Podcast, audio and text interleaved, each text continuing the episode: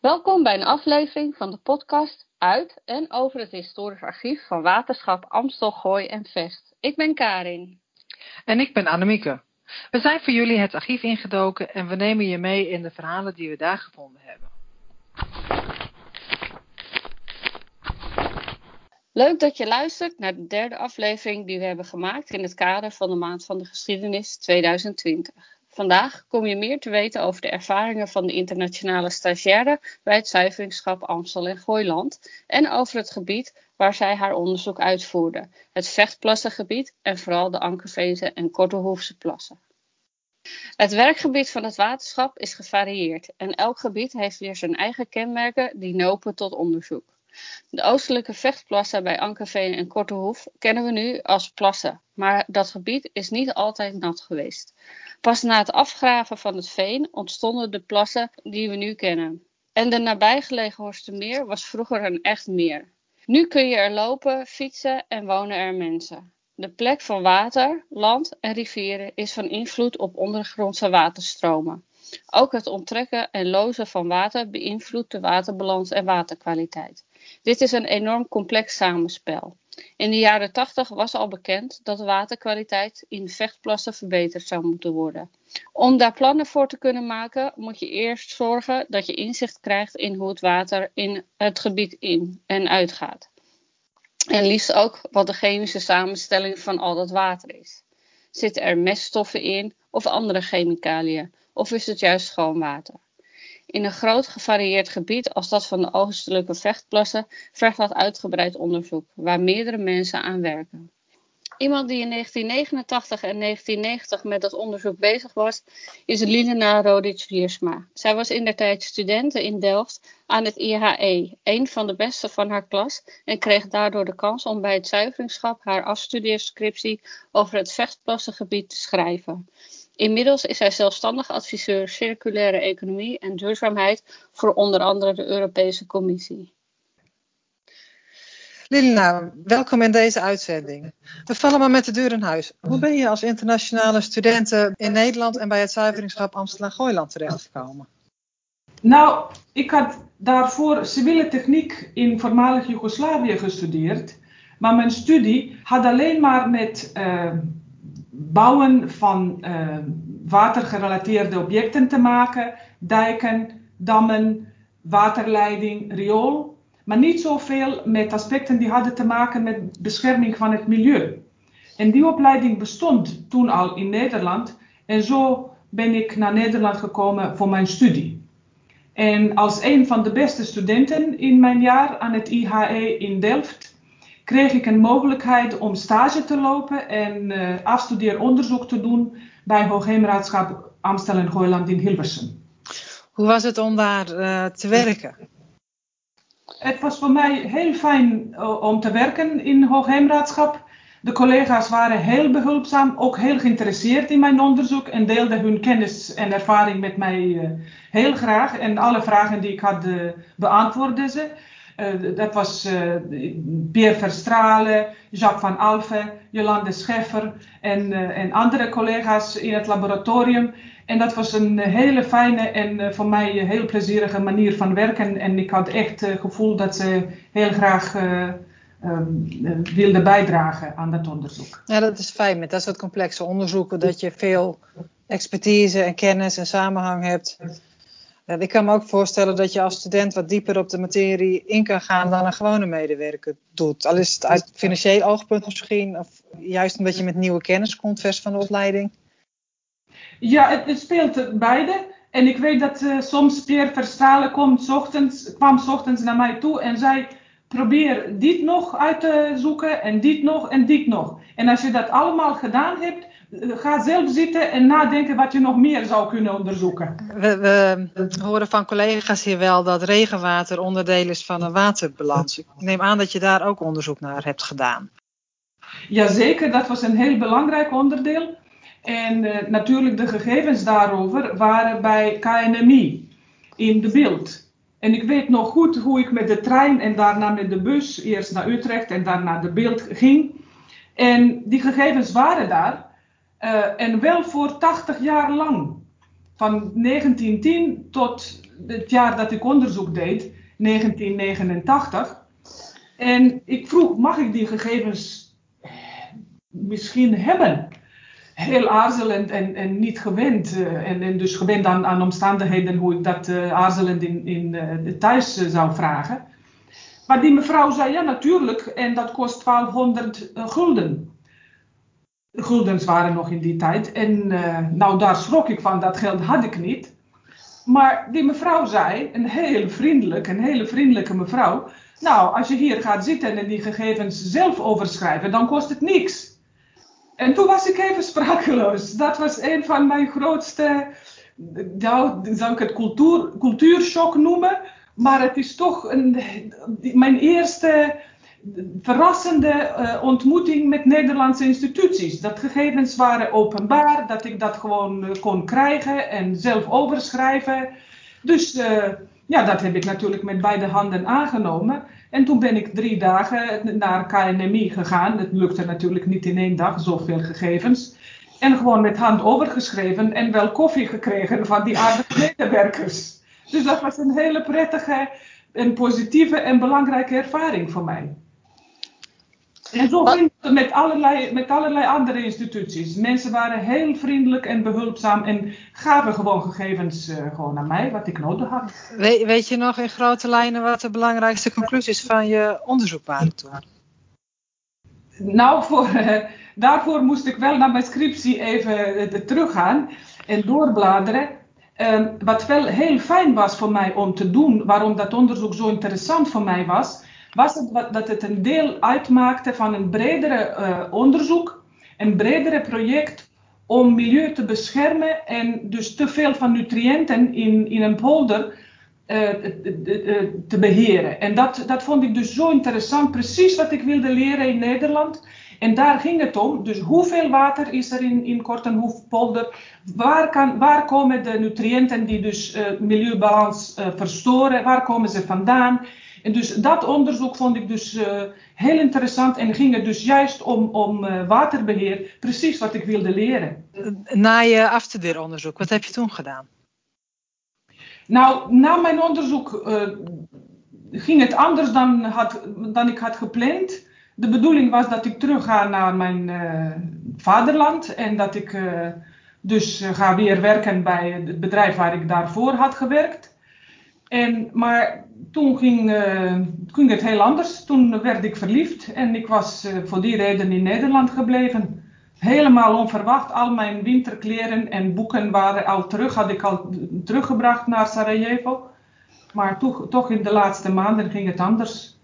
En dus nu ben ik hier nog steeds en uh, ja, spreek ik inmiddels ook Nederlands en heet Wiersma van achternaam ook nog. Na mijn onderzoek uh, ging ik verder met uh, onderzoek voor mijn uh, doctortitel aan de TU Delft in een aanverwante, op, op een aanverwante gebied van grondwaterbescherming, dus risicoanalyse.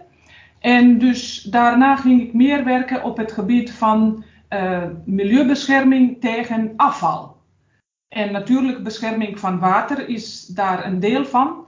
Dus mijn kennis die ik opgedaan heb in die uh, oorspronkelijke opleiding in Nederland, een onderzoek bij Hoogheemraadschap, waren heel nuttig, omdat ze dus gingen over praktische zaken, hoe dat in de praktijk gebeurt. En uh, dat heb ik uh, heel veel toegepast en verder uitgebreid in mijn verdere werk. Dankjewel voor de informatie en het gesprek. Heel graag gedaan. Het was heel fijn voor mij om die herinneringen op te halen en die fijne tijd die ik in Hilversum heb gehad, uh, nog een keer uh, voor de geest te halen.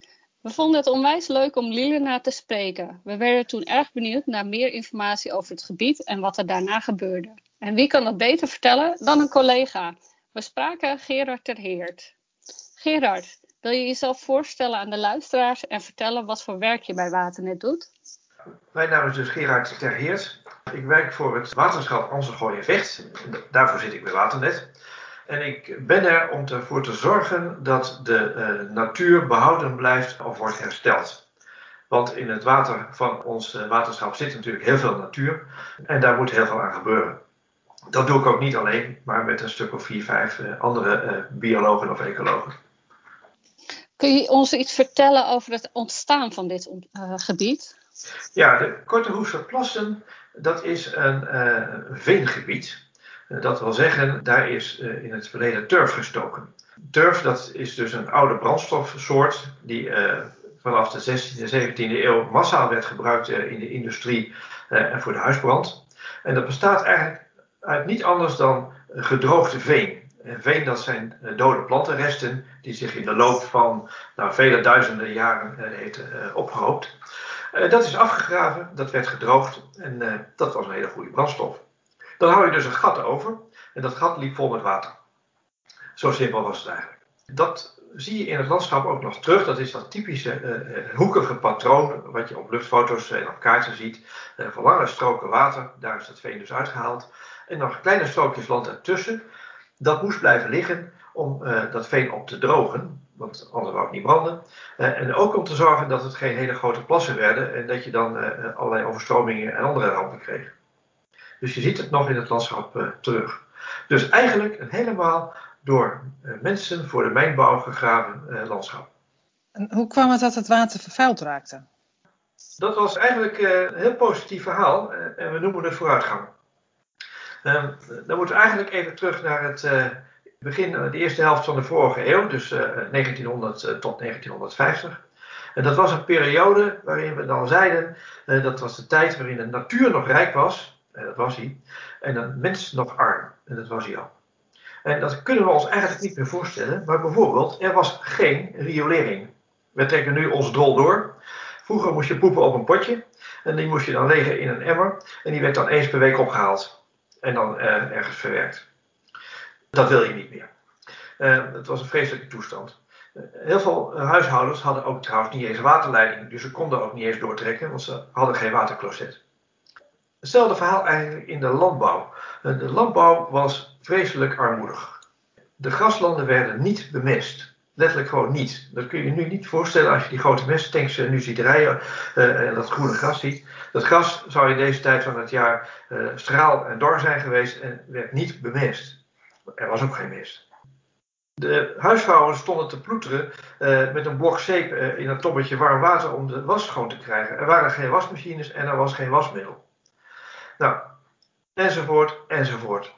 Ehm, dat was armoede het water in die tijd was natuurlijk ontzettend schoon. Uh, dat kon je ook gewoon drinken. En dan krijg je ook prachtige natuur. Nou, aan die armoede kwam gelukkig een eind. De riolering is uitgevonden. De waterleiding kwam. Je kon je drol doorspoelen. Spoelen, die ging door een buis uh, en die verdween uit je huis. Alleen ja, die moest wel ergens terechtkomen, die drol. dus die kwam in het oppervlaktewater terecht. Uh, dat viel natuurlijk uit elkaar, die zie je niet drijven. Uh, maar dat oppervlaktewater raakte daardoor vervuild. Die was, moest op een andere manier gedaan worden, want er kwamen wasmachines. En daar kun je geen blok zeep in gooien, dus er kwam wasmiddel.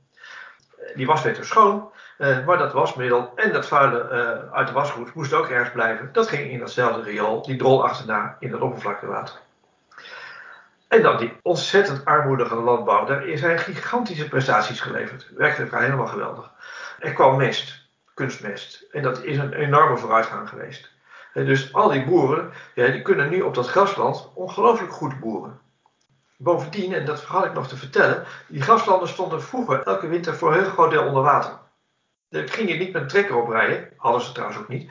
Uh, dat had ook niet gekund, want die zakt meteen tot de assen in de blubber. En nu liggen die landbouwgronden winters mooi droog. En dan kun je er vroeg op met de trekker. Dan kan de mest erop. Eh, dan kun je het laten groeien. Je kunt het oogsten. Eh, je kunt je gewas verder eh, behandelen. Dus ook dat is verbeterd. Maar, maar, maar, maar. De restanten van die mest, die spoelden ook in het oppervlaktewater. En door dat droogleggen in de winter kreeg je bodemdaling. De bodem daalt, dat is een bekend verschijnsel. Dat hoor je regelmatig op radio en tv. De bodem daalt. En waar blijft die bodem? nou, die gaat die mest en die drol en dat wasmiddel achterna in het oppervlaktewater. Dus wat er dan gebeurt, is dat in de tweede helft van de vorige eeuw dat water ontiegelijk vervuild is geraakt. We hoorden um, dat er vooral vanaf 1990 ongeveer veel verbeteringen zijn geweest. Kun je daar iets over vertellen? Eigenlijk is dat al eerder begonnen. Uh, want dit werd uh, in de jaren 70, uh, begin jaren 80 werd dit gesignaleerd. En dat was eigenlijk een verrassing, want men ging er nog van uit dat de natuur een groot eigen zuiverend vermogen zou hebben. Natuurlijk zuiverend vermogen. Dat is er ook, want die meststoffen die worden opgenomen door planten en die verdwijnen dan uit het water. Alleen ja, te veel is niet goed en dat was dan ook de ontdekking. We hebben ook paradoxale geluk gehad dat er een paar grote rampen zijn gebeurd. Een enorme vissterfte en dergelijke. En dat heeft de ogen geopend begin jaren 80. En toen heeft men gezegd: dit kan zo niet langer. Dit is slecht voor de natuur. Mensen hadden er ook last van. Het water stonk. Het werd steeds lastiger om er drinkwater van te maken. Letterlijk, inname-stops. Dit kan zo niet anders. Dus er is wetgeving gekomen om dat oppervlaktewater te verbeteren. En een van de geweldige dingen die men gedaan heeft, was het bouwen van rioolwaterzuiveringen. Die waren er wel, voor een deel, voor een deel ook niet. Een uh, rioolwater ging gewoon als smeerpijp uh, het oppervlaktewater in. Er zijn fantastische rioolwaterzuiveringen gebouwd, zodat een heel groot deel van die vervuiling niet meer in het oppervlaktewater komt. Dat wasmiddel is ook aangepakt. We hebben nog steeds wasmiddel, maar de schadelijke stoffen die zijn eruit gehaald. Dat is ook een ontzettende klus geweest, maar dat hebben we bereikt. En de industrie heeft nieuwe, betere, vervangende stoffen kunnen vinden. Dus nu hebben we veilig wasmiddel. En in de landbouw zijn werkelijk enorme stappen gezet. Vroeger was het mest, mest, mest en nog eens mest. Zonder goed te kijken of dat gewas het wel nodig had. Er was ook mestoverschot als het werd gedumpt. En de landbouw heeft een enorme prestatie geleverd om door dat voor het grootste deel stop te zetten. Dus er wordt nu niet meer bemest dan nodig is voor het gewas. Zeker in ons gebied niet. En ja, er zijn nog steeds boeren die het niet helemaal goed doen. Uitzonderingen hou je. Maar als geheel wordt er nu niet meer over bemest. Nou, dat zie je dus terug in de waterkwaliteit. Die is enorm verbeterd. Welke rol hebben de plannen van het uh, waterschap daarin gespeeld? Het zuiveringsschap zag dat die zuivering nodig was. Ja, en die heeft dus heel hard gewerkt uh, aan de rioolwaterzuiveringen. En het zuiveringsschap, en dat was natuurlijk uh, wel heel bijzonder, is ook verder gaan kijken van waar komt nog meer vuilwater vandaan. En een goede vraag ook, waarom komt dat vuile water ons gebied binnen? Kunnen we dat niet buiten het gebied houden? Heel apart voor de Korte Hoefse plassen, waar we het nu over hebben, is dat daar een hele diepe polder naast lag. Of ligt, er ligt er nog. Uh, die polder uh, en die, uh, die, plassen zijn zo lekker als een mandje, dus die plassen lopen leeg in die polder. Nou, dat is in dat rapport heel duidelijk naar voren gekomen. Dus ze zijn gaan kijken van wat kunnen we daar nu aan doen. En nu is een reeks plannen bedacht om enerzijds dat leeglopen wat te verminderen. En het mooie wat men gedaan heeft naar aanleiding van het rapport, is dat ze dus water wat in die polder loopt, weer terugpompen. Er is een pomp neergezet, of een gemaal, een en die pompt het water uit die polder weer terug naar het plassen waar het vandaan kwam. Dat betekent dat die plassen ook veel minder water van buitenaf nodig hadden. Dus dat vervuilde water werd aanvankelijk buiten die plassen gehouden. En later werd dat ook veel minder bevuild. En dan hebben we het over het water uit de vecht rivier de Vecht, dat is een belangrijke rivier in het gebied. Dat is een beetje de, de levensader voor de hele waterhuishouding. Daar kwam dat water uit. Dat was nodig, want het liep leeg de polder in. Dat water was erg vervuild geraakt door de grote steden en landbouw. En door de bouw van dat gemaal was het niet meer nodig om dat vechtwater in te laten. En later is die vecht nog een stuk schoner geworden. Nou, dat zijn hele goede prestaties vanuit het toenmalig uh, zuiveringsschap en nu het waterschap. Kun je ook iets vertellen over de toekomstplannen die er nu zijn? Ja, we hadden die prestatie neergezet. Ik zeg we, het was eigenlijk voor mijn tijd. Uh, en daar waren we echt tevreden over. Het was een ontzettende klus. En dat scheelde echt enorm. Maar helaas, het was niet genoeg. Je kunt het vergelijken met het uh, blussen van een brand. Uh, het hele huis is uit. Het smult nog wat na. En je gaat naar huis en je denkt mooi. Helaas, het smult nog na. En dat is hier ook het geval. In de eerste plaats, eerste nee, in de eerste plaats lag er dus in die plassen uh, nog steeds uh, uh, alle vuiligheid die daar vroeger in opgehoopt was. Staat ook in dat rapport al. die ligt er nog, die moet eruit. Ten tweede komt er nog steeds wel degelijk vervuild water binnen, veel, veel minder. maar wat we nu weten en wat we toen niet wisten, is dat het nog steeds te veel is. Er is nog steeds zoveel vervuiling dat dat water troebel blijft en dat de planten er niet kunnen groeien. En er is een nieuw probleem bijgekomen. Dat wordt in het rapport ook al aangestipt. Uh, maar de belangrijkste waterbron uit het verleden, toen alles nog schoon uh, en mooi was, uh, was water uit de heuvelrug. We noemen dat kwelwater. Eh, dat is water wat in dat zandpakket ja, infiltreert. Hoe zeg je dat in het Nederlands? Uh, regenwater, dat, dat zakt gewoon de bodem in. En water wat de bodem inzakt, komt er aan de andere kant onderaan weer uit. En dat was in dit gebied. En dat was heel mooi schoon water. En dat was water rijk aan mineralen. Gewoon mineraalwater. En die planten die daar groeiden, die waren daarvan afhankelijk. Nou, wat er nu gebeurd is, uh, is dat de afgelopen 50 jaar het gooi, de heuvelrug, helemaal bedekt is met wegen en bebouwing. En dat water zakt dus niet meer de grond in. Bovendien is daar ook een groot areaal bos aangelegd. Dat houdt ook water tegen. Dus dat water zakt niet meer de grond in. en er zijn drinkwaterwinningen aangelegd, lang geleden al. En water wat je eruit pompt, kan er aan de andere kant niet meer uitkomen. Dus die plassen hebben ook last van die verdroging van de heuvelrug. Dus dan heb je dus twee problemen. Verdroging van de heuvelrug, zodat het schone water niet meer binnenkomt. En je moet dus water van buitenaf inlaten. En dat is nog niet schoon genoeg uh, voor uh, de vegetatie en de dieren in die plassen. Dat geldt ook voor dat water wat we terugpompen. We zeiden al, we pompen water terug uit die polder. En dat was in principe goed water. Maar ja, zo'n polder, dat is een landbouwpolder geweest. Er gebeurt van alles in de ondergrond. Uh, die ondergrond is ook niet heel schoon. Dus dat water was eigenlijk ook vervuild. Dus dan gaan we twee dingen doen. Of drie eigenlijk. Uh, we gaan dat water wat we terugpompen, dat gaan we zuiveren. Daar hebben we technieken voor. En daar maken we technieken voor. We zijn bezig met, alle instanties op de heuvelrug om te zorgen uh, dat daar toch weer meer water uit gaat komen. En we blijven werken aan verbetering van de oppervlaktewaterkwaliteit. Die vechten is ons nog steeds niet schoon genoeg en daar werken we aan leuk om te horen dat er vanuit zoveel verschillende benaderingen wordt samengewerkt om één doel te bereiken. Ja, en dat moet ook, want het is dus een veelzijdig probleem eh, waar ook heel veel partijen mee uh, gemoeid zijn. Nemen bijvoorbeeld de vecht, uh, ja, die ontspringt niet in ons gebied, die komt uit de Rijn. Dus we zijn afhankelijk van internationale inspanningen ja, om die Rijn beter te krijgen. Die loopt door Utrecht. Die hebben daar een paar grote rioleringen.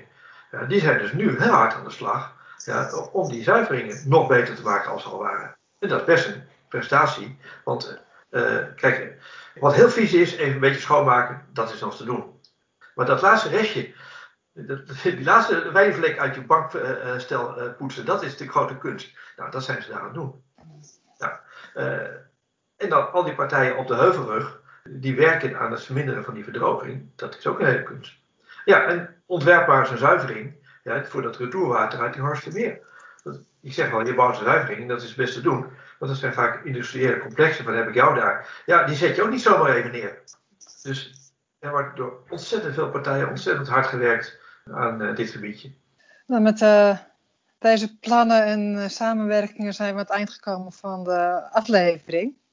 Gerard, we bedanken je heel erg voor je bijdrage. Het was mij genoegen. Voor de luisteraars, we hopen dat je de volgende aflevering weer van de partij bent om meer te horen over andere samenwerkingen. Het laatste woord is daarbij aan Wereldwaternet.